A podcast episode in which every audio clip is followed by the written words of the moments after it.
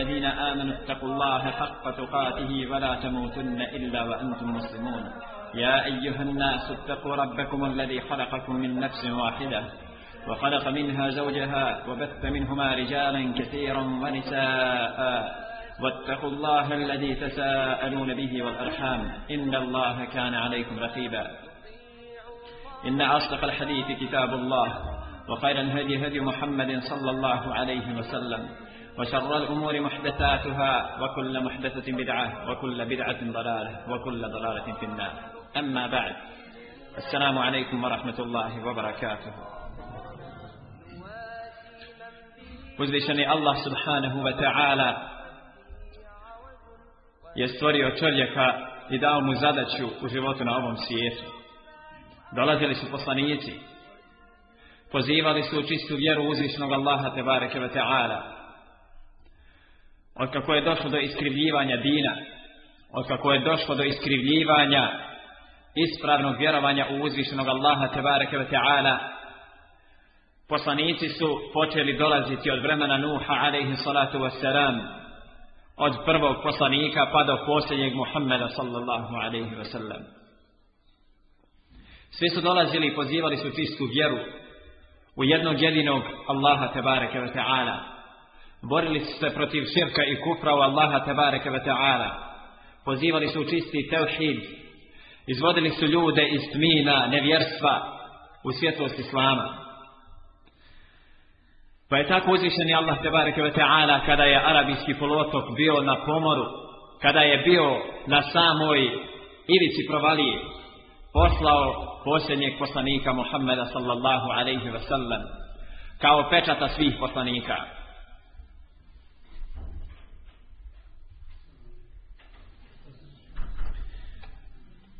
Allahu poslanik Muhammed sallallahu alaihi wa sallam je u 40. godini dobio prvu naredbu da počne pozivati u Allahu tebareke ve taala vjeru. U 40. godini života naglašava u 40. godini života došla je naredba da se počne pozivati u Allahu tebareke ve taala vjeru.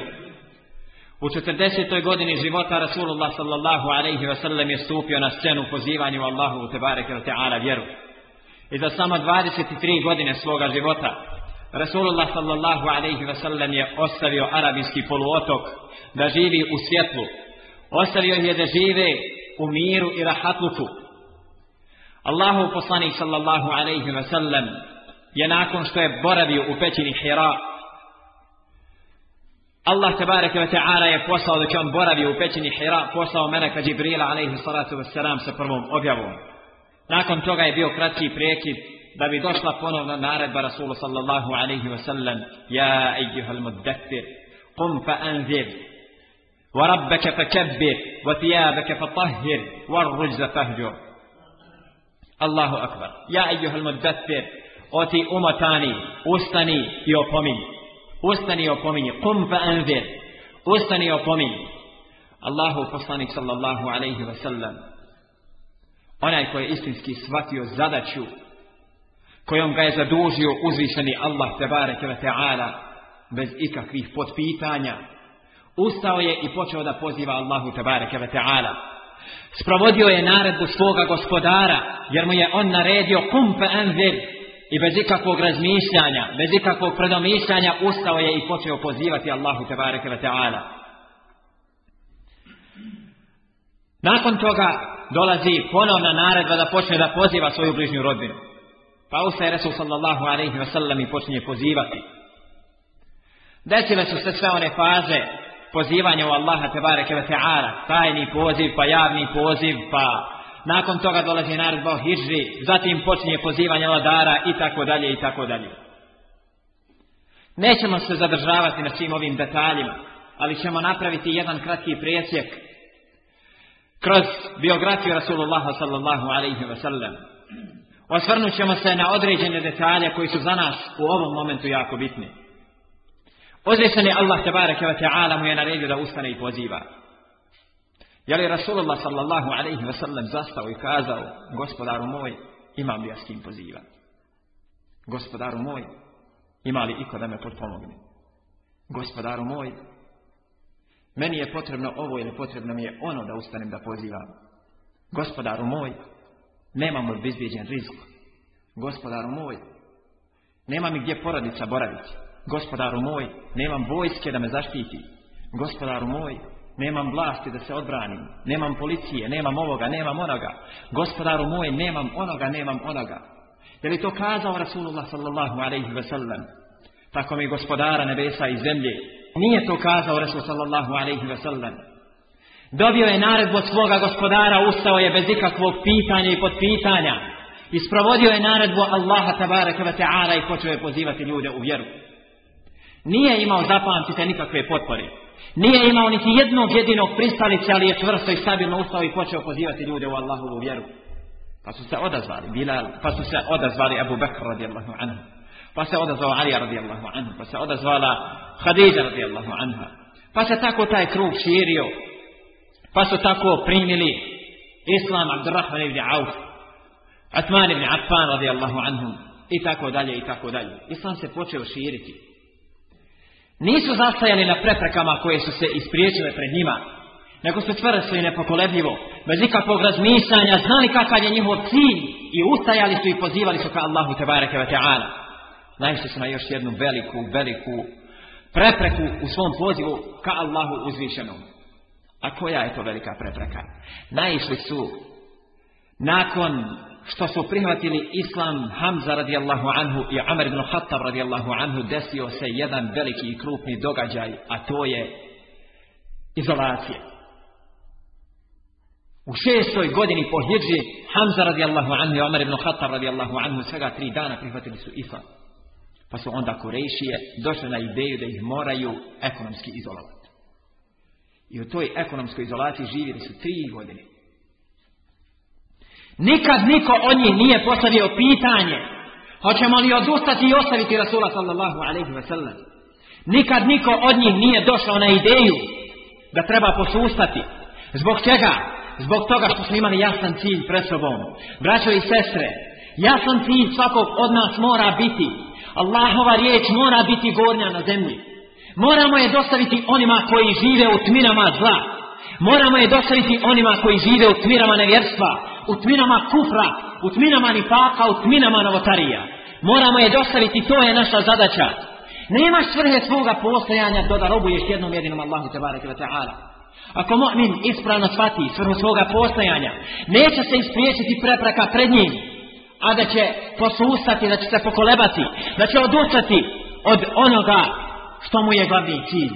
A naš cilj je da živimo u islamskim propisima, da pozivamo ka Allahu tebareke ve ta'ala, da steknemo zadovoljstvo našega gospodara i da nas naš gospodar uvede u džennet. Onaj kome je cilj, Allahovo zadovoljstvo i ženevska nagrada, mašta se ispriječilo pred njim, neće nikada odustati. Ashabi Allahu anhum, živjeli su u ovoj izolaciji, pa ćete čuti jedan kratki detalj iz te izolacije koja je trajala svega tri godine. Nisu imali hrane, pa se jesti lišće, kožu i tako dalje. A van zidina logora su se čuli jauci djeci, žena i iznemoglih. Allahu akbar. Živjeli su u toj ekonomskoj izolaciji pa su jeli kožu i lišće. Jeli su kožu i lišće, a čuli su jeca i žene i djeteta. Čuli su jeca iz nemogli ali su ipak ostali čvrsti i nepokolebljivi. Nisu zastali na tim iskušenjem koje se pred njima ispriječilo. Znajte, zavisi kako ćemo nagradu primiti na ahiretu od toga koliko ćemo se žrtvovati. Spomeni se slučaj jednog čovjeka, da mu Allah šanuhom podari firdeus i njemu i njegovoj supruzi, hafidahum Allahu ta'ala, koji su napustili egipatsku tiraniju, ostavili su Kairo, ostavili su kairske palače u kojima su živjeli. Otišli su grad Allahovog poslanika sallallahu alaihi ve sellem. Otvorili su školu za hajt Kur'ana u svojoj kući. Njihova kuća je postala medresa li tahfez il Kur'an il Kerim. Njihova kuća je postala medresa za učenje Kur'ana na pamet. A znate na čemu su živjeli, vjerovali ili ne. Živjeli su na kiflama. Mjesecima i mjesecima nisu imali druge hrane do kiflu. Kupili bi sebi za jednu marku danas šest kipli na kojima su živjeli oni i njihova porodica na kifli su živjeli, ali znaju šta je njihov cilj. Mjesecima i mjesecima živjeli su na kifli, ali su znali da trebaju da steknu zadovoljstvo svoga gospodara. Zbog toga su se istinski žrtvovali za dominaciju Allahove riječi na zemlji. Znajte, braćo i sestre, da je obaveza nas kao muslimana, kao onih koji robuju svome gospodaru, da se istinski žrtvujemo za dominaciju Allahove i riječi na zemlji. Ne smije se ispriječiti pred nas niti neprijatelj, niti unutrašnji, niti vanjski, niti monafici, niti dunjalučka iskušenja, a da smijemo posustati. Naš cilj je džennet. I znajte da na tom putu ne smije se ništa ispriječiti. Lijepo reče jedan od onih koji je u vrijeme Afganistanskog rata od 13 godina u borbi protiv komunističkog režima Rusije bila mu je amputirana njegova noga, pa mu je bio njegov komandant naredio da se popne na to i to brdo sa besrzajcom topom. Kaže, ja se komanda, komandantu ne mogu popijeti na to brdo. Jer u mene noga amputirana, ja imam protezu. Kaže, Allahu akvar. Allahu akvar.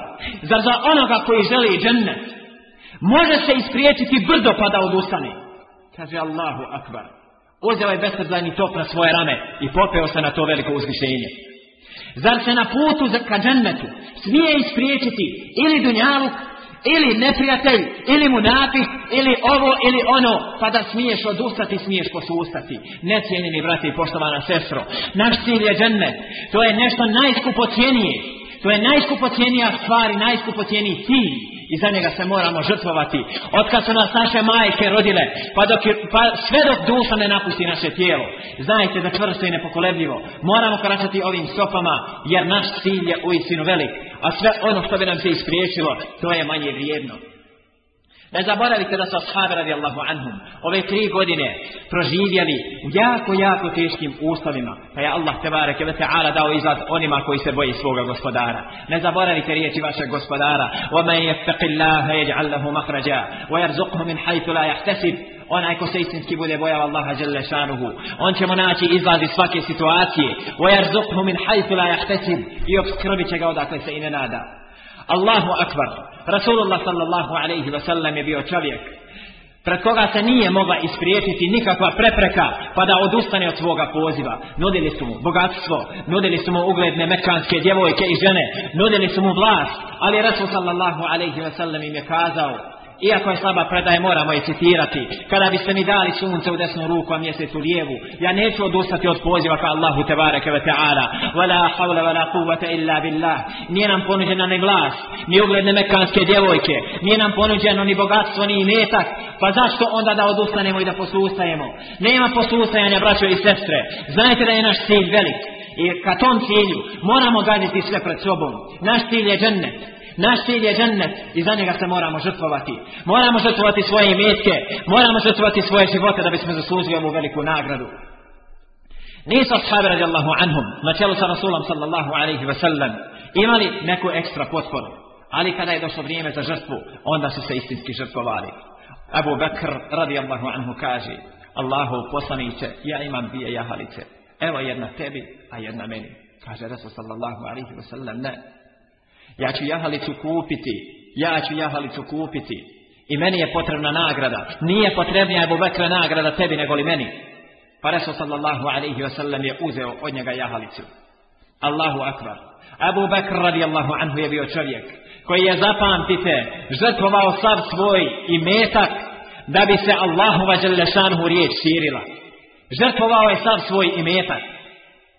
Sav svoj imetak. Ostavio je svojoj porodici Allaha i njegovog poslanika kako to on kaže. Na pitanje Rasula sallallahu alaihi ve sellem, Abu Bakr šta si ostavio svojoj porodici? Kaže ostavio sam im Allaha i njegovog poslanika sallallahu alaihi ve sellem. Amar radijallahu anhu kaže ja ću danas nadmašiti Abu Bakr. Pa je donio pola svoga imetka, a upitan od poslanika sallallahu alaihi ve sellem šta si ostavio svojoj porodici? Kaže ostavio sam im Allahu poslanića pola svoga imetka. Kada je vidio da je Abu Bakr radijallahu anhu žrtvovao sav svoj imetak, kaže ni danas ga nisam uspio preteći. Ebu Bekr radijallahu anhu se takmičio sa svima, žrtvovao je sve što je imao, braćo i sestre. Moramo biti spremni u datom momentu, žrtvovati i onaj naš zadnji zalogaj za dominaciju Allahu i Đelešanhu riječi na zemlji. Moramo se ugledati u ashabe, Moramo biti spremni svezati kamen na svoja prsa, na svoj stomak, da širimo Allahu u Đelešanhu riječ. Omer radijallahu anhu izišao na ulicu, Kaže mu poslanik sallallahu alaihi wa sallam, šta te izvelo na ulicu? Zavrni svoju košulju ovako, svoj ogrtač. A na njegovom somaku je bio svezan kamen. A Resul sallallahu alaihi wa sallam podiže svoje, pa pokaza mu dva kamena svezana na, na Od gladi su izlazili na ulicu, nisu imali šta jesti. Ali su žrtvovali sve što su imali da bi Allahova riječ bila gornja. Ne smijemo ove detalje zapostaviti. Ne smijemo uzimati od sunneta Rasula sallallahu alaihi ve sallam. Samo kaj lulu i kazat Rasul sallallahu alaihi wa sallam je spavao poslje podne. Jel ovo ćemo samo uzimati od njegovog sunneta? Hoćemo li samo pričati o dvije, tri, četiri žene? Hoćemo li pričati o drobnostima ovoga života? Hoćemo li samo se zauzeti za ove stvari i govoriti o ovim detaljima? Ne, braćo i sestre, u onim momentima kada je potrebna žrtva, tada trebamo uzimati detalje iz života Rasula sallallahu alaihi wa sallam i biti spremni žrtvovati sve što imamo da bi Allahova riječ bila gornja. Pa početi svojih kuća, iznositi i vaditi namješta i prodavati, a širiti Allahovu Đelešanu riječ. Prodati svoje aute pa hodati pješice, a Allahovu Đelešanu riječ širiti. Moramo biti spremni žrtvovati sve što imamo. Udobnost ovoga svijeta žrtvovati za dominaciju Allahove Đelešanu riječi i za nagradu u džennetu. Moramo biti spremni na ovo. Na ovo su bile spremne prve generacije, pa su uspjeli. Ako ne budemo bili spremni žrtvovati ovo i metak, ne budemo bili spremni skinuti košulju i dati je svome bratu da se pomogne. Kako ćemo uspjeti u širenju Allahove Đelešanu riječi na zemlji? Zar ćemo raditi samo onda kada živimo u udobnosti? Zar nećemo širiti Allahu Đalešanu riječ na zemlji onda kada nam je najteži? Resul sallallahu alaihi wa sallam u najtežim momentima svoga života, kada je bio u izolaciji, kada je čuo jeca i plać djeteta, sve dok ne budu naša, naša djeca i naše supruge jecali i plakali da nemaju šta da jedu. Sve i tada moramo pozivati ka Allahu te barake wa ta'ala. na nas dušman da, da slušamo jeca i svoga djeteta da mu nemamo šta dati. Jedan naš brat kaže, sve sam mogao da se pomirim s time da ja nemam šta jest. Ali da se pomirim s time da moje dijete nema šta jest. Pa to je težak slučaj. Ali kaže da je došao dan da je prije nego li je krenuo na liniju, prije nego li je krenuo da se bori protiv otvorenog jasnog neprijatelja, čuo riječi svoga djeteta, jeca jecaj svoga djeteta, koje je zaplakalo, a nije imao šta da mu da da jedu. Nije imao kifle, nije imao komada hljeba da mu da. Ispratilo je to djete svoga babu na liniju i više ga nikad nije vidjelo. Moramo biti spremni žrtvovati i svoje porodice i svoju djecu da širimo Allahu šanu riječ na zemlji. Zar smo zaboravili slučaj one majke koja priljubila svoje djecu u svoje prsa i kazala gospodaru moj, zaštitnice moj, ovo je plod moga srca, ovo je plod moga srca, ali gospodaru moj poklanjam ga tebi. Poslala je svoje djete da se bori za širenje Allahove Đalešanu riječi na zemlji. Poslala ga i zakljela ga Allahom Đalešanu da se ne vraća. Gdje su naša srca? Gdje je naša veza sa našim gospodarom? Gdje je naša odlučnost? Gdje je naša nepokolebljivost? Zar ćemo na sitnim iskušenjima posustajati? Zar ćemo na sitnim iskušenjima zastati? Zar ćemo biti od onih koji će odustajati od onog velikog cilja, da će naše nade i naše, naše želje i pretenzije biti tako sitne, da ćemo se zadovoljiti sa temeljom, zar nećemo graditi krov, Resul sallallahu alaihi ve zapamtite, nije napravio islamsku državu, nije proširio Allahu ođelešanu riječ na arabijskom poluotoku za dan, nije za dva, nije za tri, nije za godinu, za dvije, za tri. Zapamtite, 23 godine aktivnog poziva, danonoćnog poziva, aktivnog izlaska u borbu na Allahovom putu. Za 23 godine postigao ono što je postigao. I ostavio je ljude koji su svaki zasebno bili kao džibali, bili su svaki zasebno poput brda svaki od njih je zasebno bio spreman da nosi i da širi ovu Allahu vjeru na zemlji. Moramo biti spremni, maksimalno se žrtvovati i nemojte ove riječi zaboraviti, braćo i sestre. Nemojte ih zaboraviti. Ove riječi su dokaz kako protiv mene, tako i protiv tebe. Znajte da sve ovo što smo čuli, što smo sad svrnuli na sunnet i na hadis Rasula sallallahu alaihi ve na njegov život, znajmo da je sve ovo dokaz i argument protiv nas. Ne smijemo se zadovoljiti, kao što sam kazao, sa ugodnim i lakim životom. Ne smijemo se zadovoljiti s time da samo prislonimo svoja leđa od leđa naših supruga, da živimo lagodnim životom, da gledamo kako se naša djeca igraju, a djeca ostalih muslimana se ne trebaju igrati. Gledamo naše djece nasmijano, a nije nas briga za osmijehom djeteta našega brata ili nekoga drugog. Mi smo jedna zajednica koja mora da živi ovako, mora da živi ovako. Moramo se potpomagati u širenju Allahovi lešanu riječi na zemlji. Rasul sallallahu alaihi wa sallam je bio ove odlučnosti. Imao je sa sobom one koji su bili odlučni da se žrtvuju u svakom momentu u kojem bi ih mogao da pozove. Hanbala ibn Amr radijallahu anhu. Poznati ashab Allahu poslanika sallallahu alaihi wa sallam. Rasilul Onaj koga su meleki ogasulili. Bio je od onih koji su bili spremni da se žrtvuju za Allahu i riječ. Hanbala ibn Amr radijallahu anhu je ustao iz zagrljaja svoje supruge i to prvu bračnu noć. Prvu bračnu noć. Ustao iz zagrljaja svoje supruge kada je čuo poziv za izlazak u borbu na Allahovom putu. Ustao je Hanzala ibn Amir radijallahu anhu. Tako da nije imao vremena da se okupa. Izišao je u borbu na Allahovom putu, a nije imao toliko vremena da se okupa. Izašao je borio se na Allahovom putu u biti na Uhudu i preselio na Ahiret. Pa su vidjeli ashabi Allahu anhum kako kaplje voda sa njegovog tijela. A kaže Resul sallallahu alaihi wa sallam, njega su ogasulili meleki. Izgleda da nam je teško da se odvojimo od naših supruga, da ustanemo iz njihovog zagrljaja sa 10, 20 ili 30 godina života sa njima. Njemu nije bilo teško ustati prvu noć iz vratnog zagrljaja a nama je teško ustati nakon 3, 4, 5, 10, 15 godina u, u braku. Teško nam se odvojiti od zagrljaja naših supruga. Teško nam se odvojiti od, od igranja sa našom djecom. Činjenica je da moramo ispuniti naše obaveze prema našim suprugama i prema našoj djeci. Ali ne smijemo zaboraviti ovaj veliki cilj koji je pred nama. Ne smije nam porodica biti cilj. Cilj ne mora biti širenje Allahove želešanu riječi na zemlji. Ne smijemo. Ostaviti obavezu prema našim porodicama. To je naša obaveza i moramo na tome raditi. Aktivno da radimo na tome. No međutim, ne smijemo zaboraviti onaj glavni cilj. Ne smijemo zaboraviti ono zbog čega postojimo. A to je da robujemo istinski Allahu tabaraka wa ta'ala. Da naređujemo na dobro, odrćamo od zla. Da širimo Allahu želešanu riječ na zemlji. Bilo je još oni koji su bili spremni da žrtvuju sve što su imali. Braću i sestre. Nemojte misliti da je potrebno da čovjek ima 20, 30, 40, 50, 60, 100 hiljada maraka. Da bi mogao nešto da žrtvuje na Allahovom putu. Vrhunac svoje žrtve će možda doći onoga dana kada budeš imao Marku u džepu. Pa bude potrebno da je žrtvuješ za Allahovu djelešanu riječ. A ti izvadiš onu Marku i žrtvuješ je na Allahovom putu. Vrhunac će biti onoga dana kada budeš imao samo deset maraka u svome džepu. Moraš da uzmeš i hljeb, pa ćeš uzeti ono što je minimalno. Nećeš kupiti ni slatkišu, nećeš kupiti ni ukusan deset. nego ćeš uzeti samo ono što ti je neophodno da preživiš do sutra, a odvojiš pet maraka i žrtvuješ ih za Allahu Đelešanuhu riječ. Žrtvuješ za Allahu Đelešanuhu vjeru. Tada će biti vrhunac.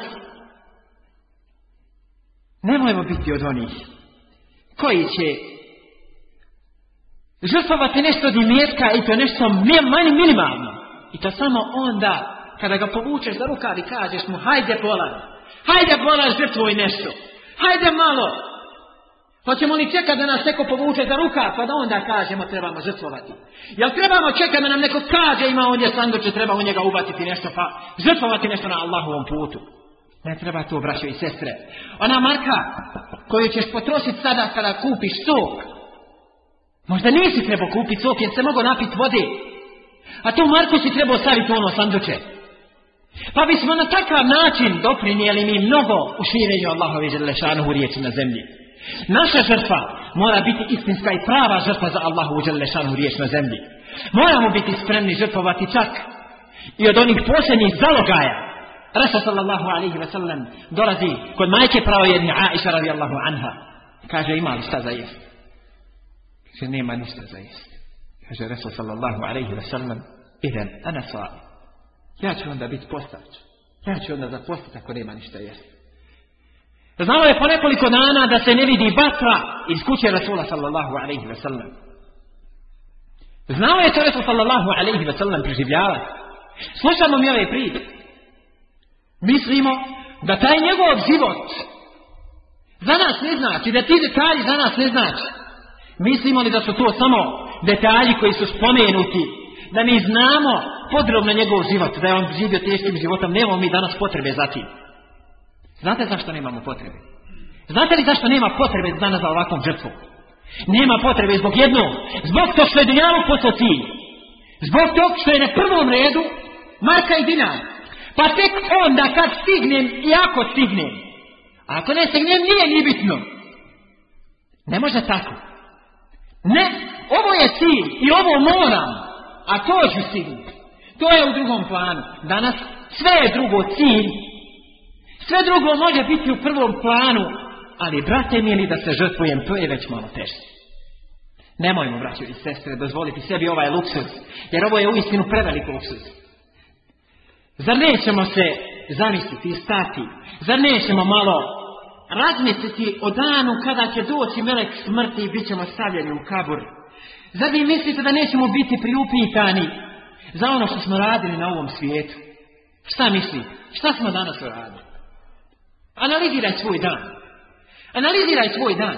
Če, ustao sam jutro, doročko popio sam možda sam popio kakav su, lijepo sam doročko nisam nikog danas pozvao, nisam nikom učinio dobročinstvo, Živio sam sam za sebe, danas sam dan proveo sam za sebe. Nisam nikom učinio dobročinstvo.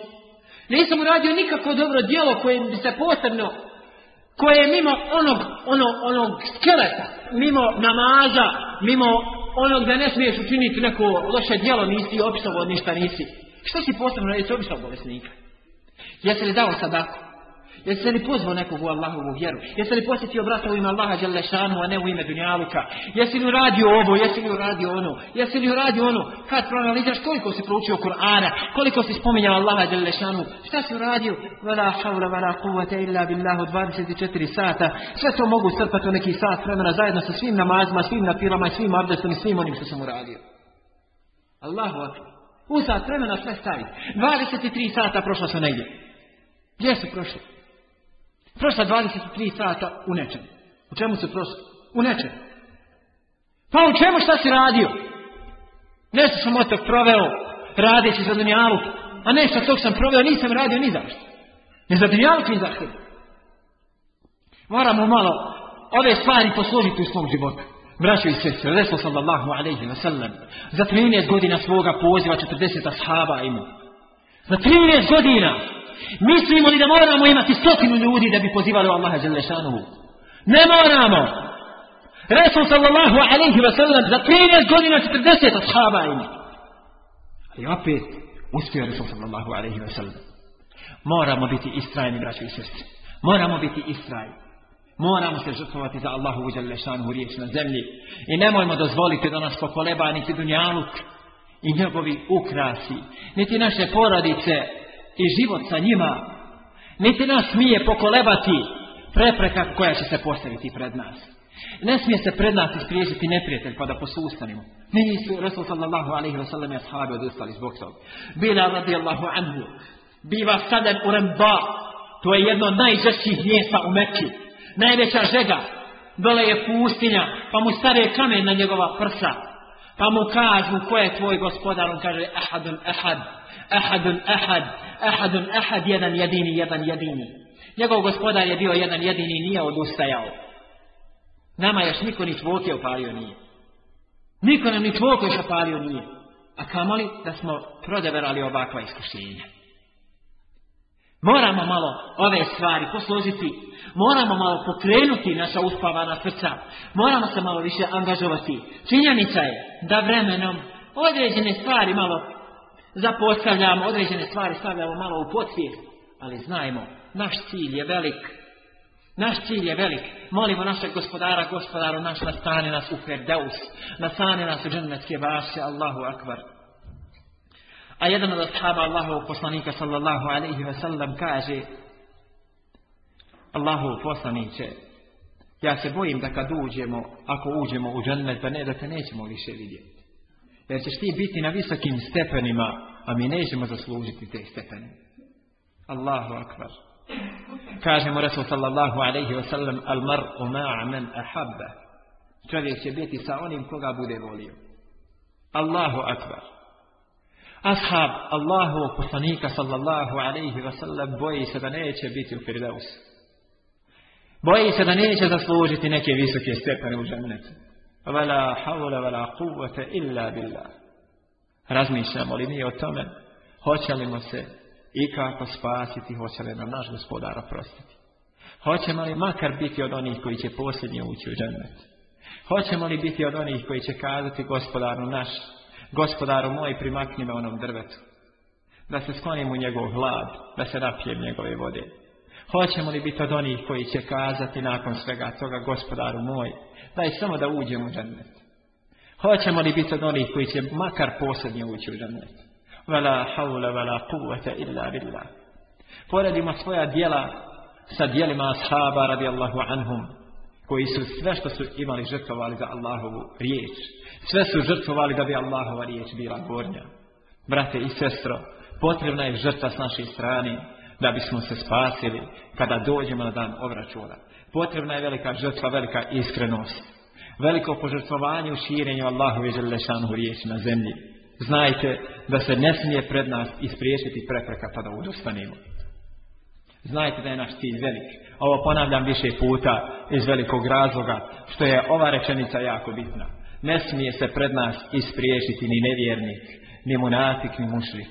Niti se smije pred nas ispriječiti neko drugi pa da odustanemo od poziva u Allahu u vjeru. Znajte da je Rasul sallallahu alaihi wasallam počeo sa 40 godina. Mali broj prisutnih ovdje ima 40 godina. Mali broj. Što znači da nismo do dana današnjeg uradili niti jednu jedinu stvar, da započinjemo sad, da smo se prvi puta sastali, znajte da puno toga možemo postići ako nas Allah Đelešanuhu poživi. Cilj je pred nama velik, žrtvujmo se, ne bi nam se naš gospodar smilovao, ne bili smo ušli u žernet. Napominjem, ove riječi nisu nikom posebno pojedinačno upućene. Upućene su svima nama od prvog do posljednjeg zajedno. Znajte da su ove riječi upućene prije svega meni, pa zatim i svima vama prisutnim. A i onima koji su odsutni pa nisu i prisutni. Ovo važi isto i za njih. Moramo se žrtvovati za Allahu uđelešanu vjeru. I moramo se istinski boriti da bi Allahu uđelešanu riječ bila govorni. Subhanak Allahumma wa bihamdik. أشهد أن لا إله إلا أنت أستغفرك وأتوب إليك